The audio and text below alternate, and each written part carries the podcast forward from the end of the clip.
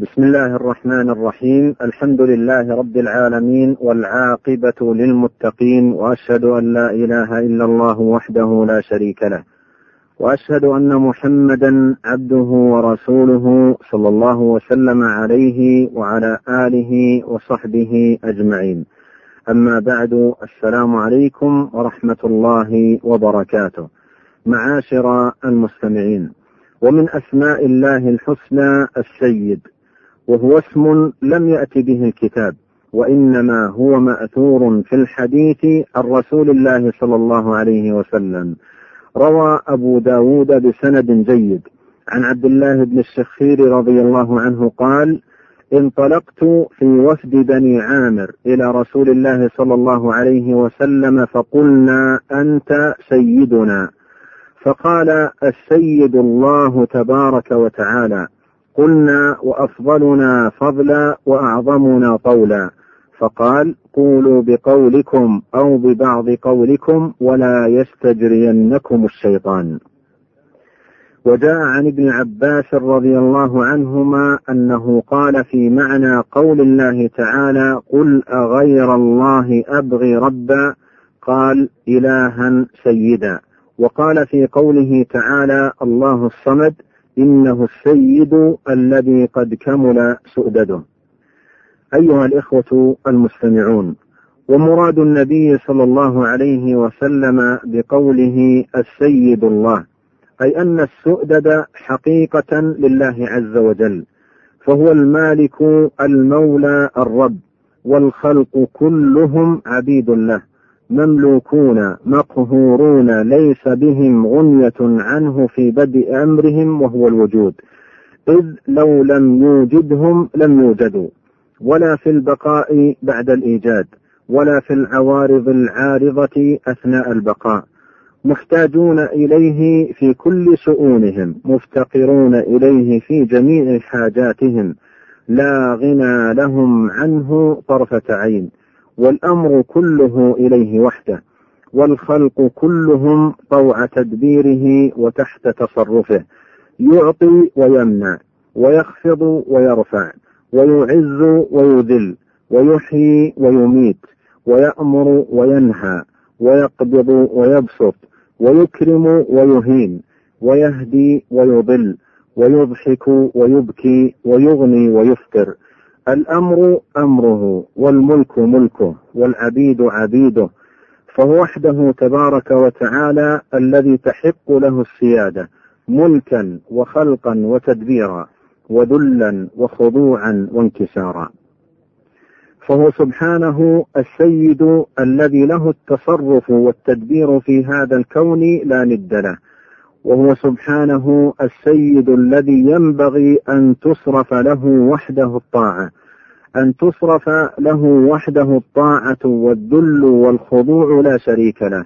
فكما أنه سبحانه السيد المتصرف في الخلق لا ند له فكذلك يجب أن يكون السيد المعبود لا شريك له.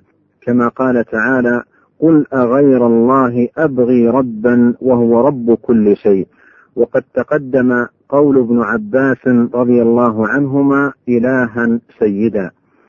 قال ابن جرير الطبري رحمه الله تعالى في تفسير هذه الآية يقول تعالى ذكره لنبيه محمد صلى الله عليه وسلم قل يا محمد لهؤلاء العادلين بربهم الأوثان الداعين إلى عبادة الأصنام واتباع خطوات الشيطان أغير الله أبغي ربا؟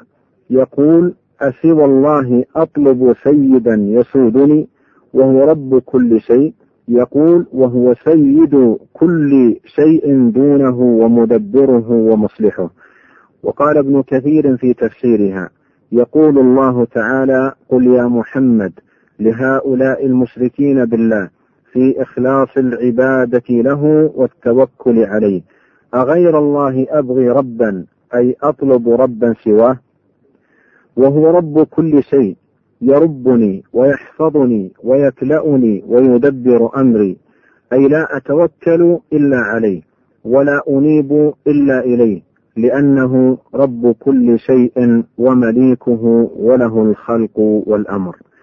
أيها الإخوة المستمعون وهذا أدل الدليل وأبين البرهان على بطلان الشرك واتخاذ الأنداد.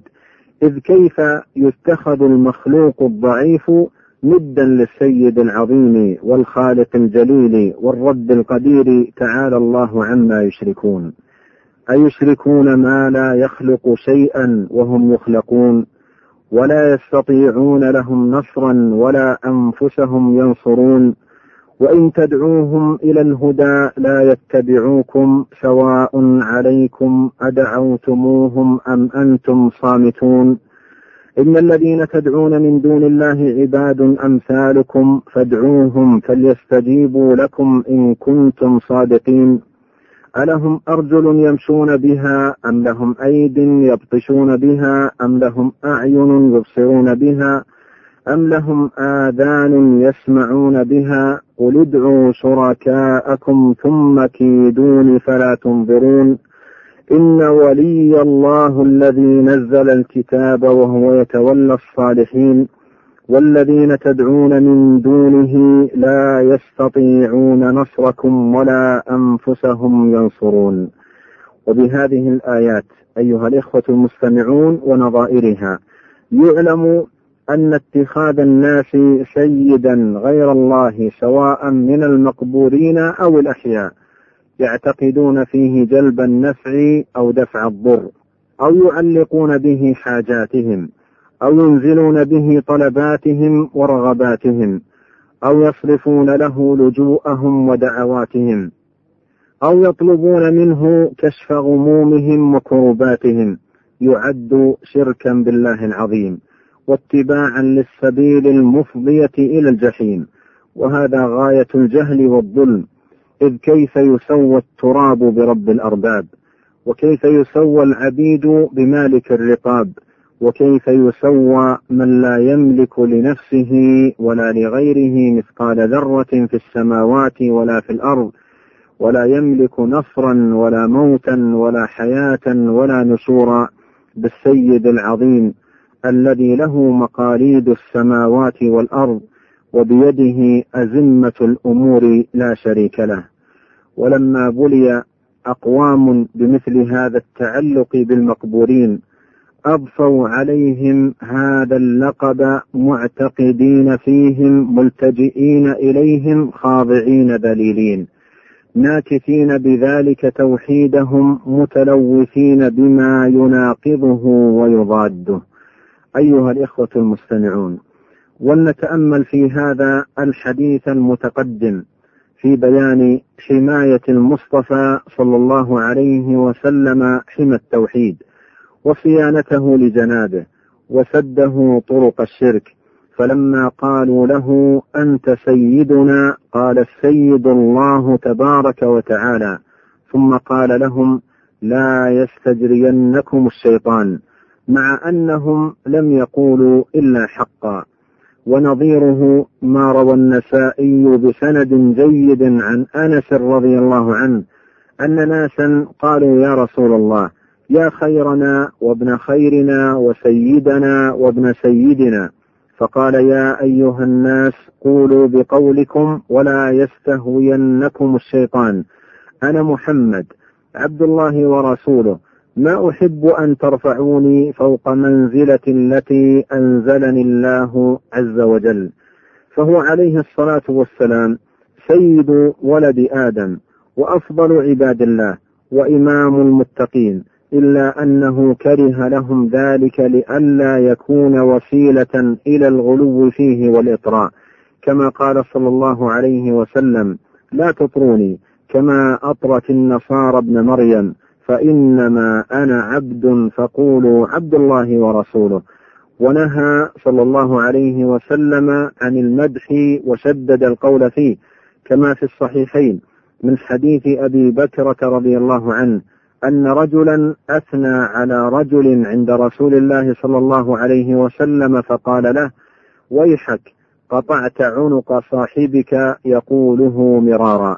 وفي صحيح مسلم عن المقداد بن الأسود رضي الله عنه أن النبي صلى الله عليه وسلم قال إذا لقيتم المداحين فاحثوا في وجوههم التراب فمواجهة الممدوح بمدحه ولو بما فيه من عمل الشيطان لما قد تفضي إليه محبة المدح من تعاظم الممدوح في نفسه وذلك ينافي كمال التوحيد ويوقع في أمر عظيم ينافي العبودية الخاصة.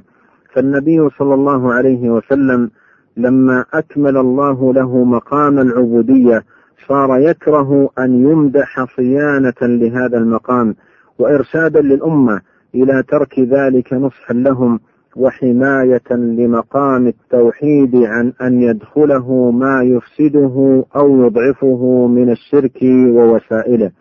بانصراف القلب إلى نوع من التعلق بالمخلوقين والذل لهم والانكسار الذي لا يحل ولا يجوز صرفه إلا لله الواحد القهار. وبهذا تنتهي هذه الحلقة وإلى لقاء آخر. والسلام عليكم ورحمة الله وبركاته. فقه الأسماء الحسنى. الأسماء الحسنى. الحسنى. برنامج من إعداد وتقديم الدكتور عبد الرزاق بن عبد المحسن البدر تنفيذ عبد المجيد محمد يوسف.